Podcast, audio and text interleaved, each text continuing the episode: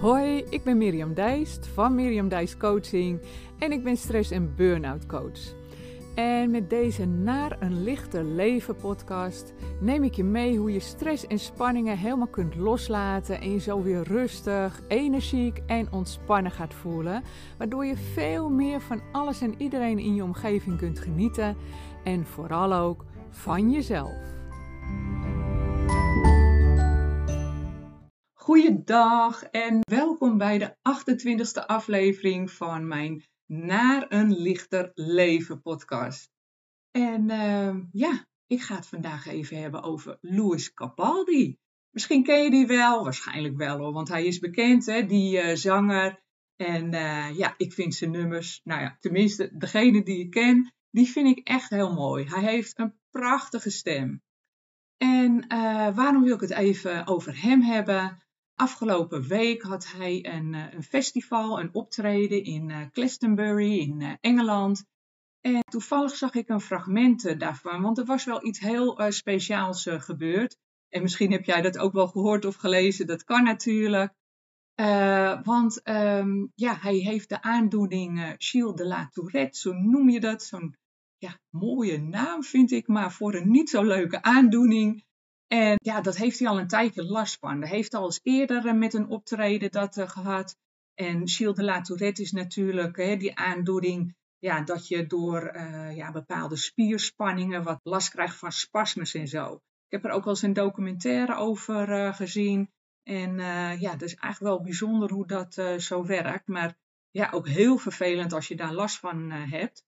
En bij hem, ja, als dat dan uit uh, op het moment dat hij uh, een optreden heeft, nou, dat kon je ook zien aan dat fragment wat ik zag, dan gaat er van alles rondom zijn mond en zijn schouders en zijn armen zo uh, bewegen, hè, in de vorm van die spasmes, waardoor er dus op een gegeven moment ook echt zover is dat hij gewoon helemaal niet meer kan zingen. Nou, ik weet dat hij dat al eens eerder had gekregen toen hij een optreden had en ja, dan zie je dat gebeuren. En uh, ja, dat, dat lijkt me natuurlijk super vervelend als dat uh, overkomt. Ik denk nog wel eens, nou, bij hem bleef het dan bij wat spiertrekkingjes zo in zijn gezicht. En zijn schouders, wat ik net zei, zijn armen.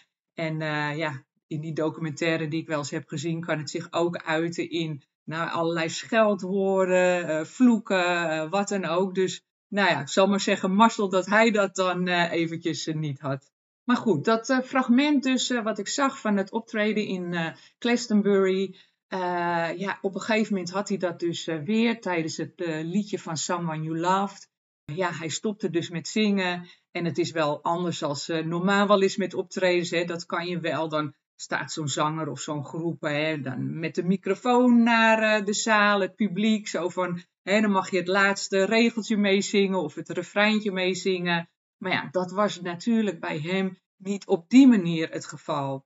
En ik zag ook wel op dat fragment dat het publiek al heel samen met elkaar allemaal lekker dat uh, nummer aan het meezingen was. Maar toen hij zo stopte, ja, toen begonnen ze allemaal nog harder mee te zingen. Om hem als het ware te ondersteunen.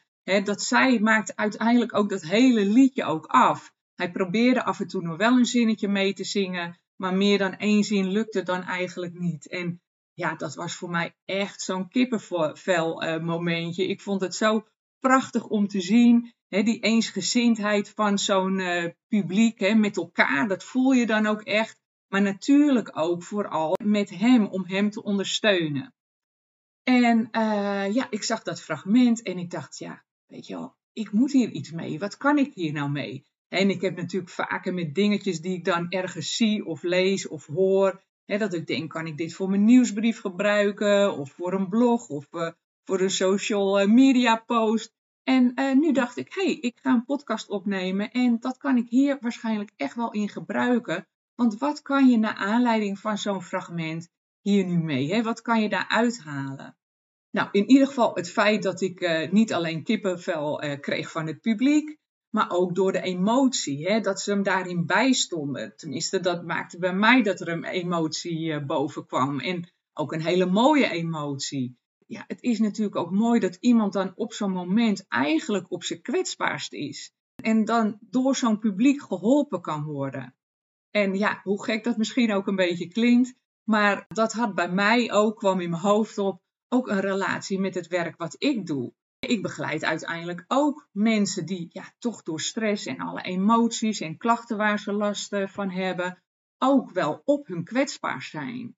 Op die momenten kan er dus tijdens een coachgesprek bepaalde emoties omhoog komen. Dat had ik gisteren ook. De tissues waren niet aan te slepen, om maar even zo te zeggen. Nou, een beetje overdreven hoor. Maar weet je, ik vind dan fijn dat ik daar dan wel uh, kan zijn op dat moment voor iemand.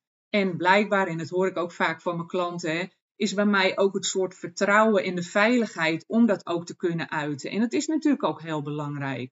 Maar ik vind het super mooi dat ik dan op die manier ook voor iemand iets kan betekenen. En niet alleen om er dan te zijn, hè, maar vervolgens kunnen we daar natuurlijk via coaching ook uh, verder op doorgaan. Maar dan komt wel mooi door zo'n emotie een hele goede achtergrond van het feit van stressklachten vaak uh, omhoog.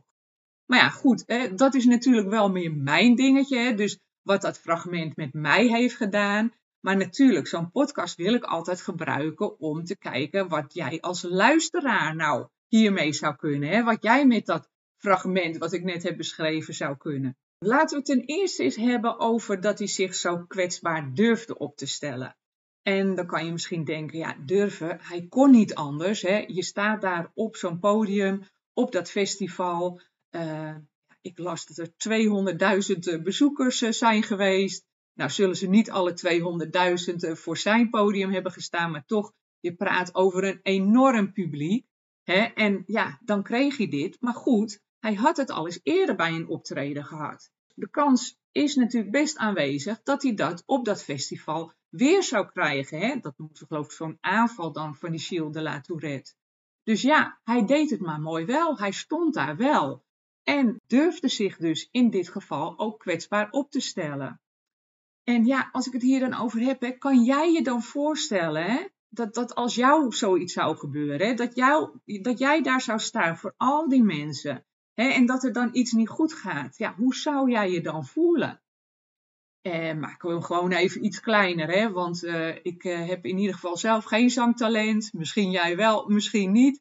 Maar voor zo'n podium van 200.000 mensen, dat zal waarschijnlijk niet zo snel gebeuren. Maar maak het eens kleiner. Bijvoorbeeld um, een presentatie op je werk dat je ineens je tekst kwijtraakt of een, uh, een blackout krijgt bijvoorbeeld. hoe zou jij je dan voelen? En zou je dan daarna nog wel aandurven om uh, nog een keer een presentatie te geven? Of uh, zeg je van nou, laat het voortaan maar iemand anders doen, want bij mij ging het helemaal niet goed. Of ga je voortaan dat soort zaken vermijden? Dat kan natuurlijk, omdat het je te veel stress oplevert. Dus ja, dan heb ik het hier over om je in het openbaar je kwetsbaarheid te kunnen en te durven tonen. Je hebt daar ook een heel mooi boek over van uh, Brené Brown. Dat heet uh, De kracht van kwetsbaarheid. Misschien ken je dat wel, heb je dat ook gelezen. Maar nemen we dit nou eens, die kwetsbaarheid in relatie tot stress. Want wanneer je al langere tijd last hebt van stress, ja, hoe vaak komt het dan wel niet voor dat mensen dat eigenlijk helemaal niet delen? ook niet durven delen. Dat is dus een stukje kwetsbaarheid te durven tonen. Toenam in de loop van de tijd. hij is natuurlijk bekend geworden binnen een, een aantal jaar. Uh, moet met uh, media allemaal omgaan. Die mediadrukte is natuurlijk toegenomen. Uh, zijn optredens werden steeds groter in verband met meer mensen en zo. En dat geeft natuurlijk ook een bepaalde druk en daarmee dus ook een bepaalde stress, hè, een mate van stress. Dat las ik in een artikel. En tijdens die, uh, dat concert, hè, dat festival, ja, vertelde hij ook dat het uh, waarschijnlijk uh, wel aan te raden zou zijn dat hij voorlopig een, een break nam en ja, echt een tijdje niet zou gaan optreden, juist om weer te zorgen die rust weer meer in zijn lijf te gaan krijgen. Daarmee is die aandoening niet weg, maar dan kan je wel voor zorgen dat het minder snel uh, zich openbaart.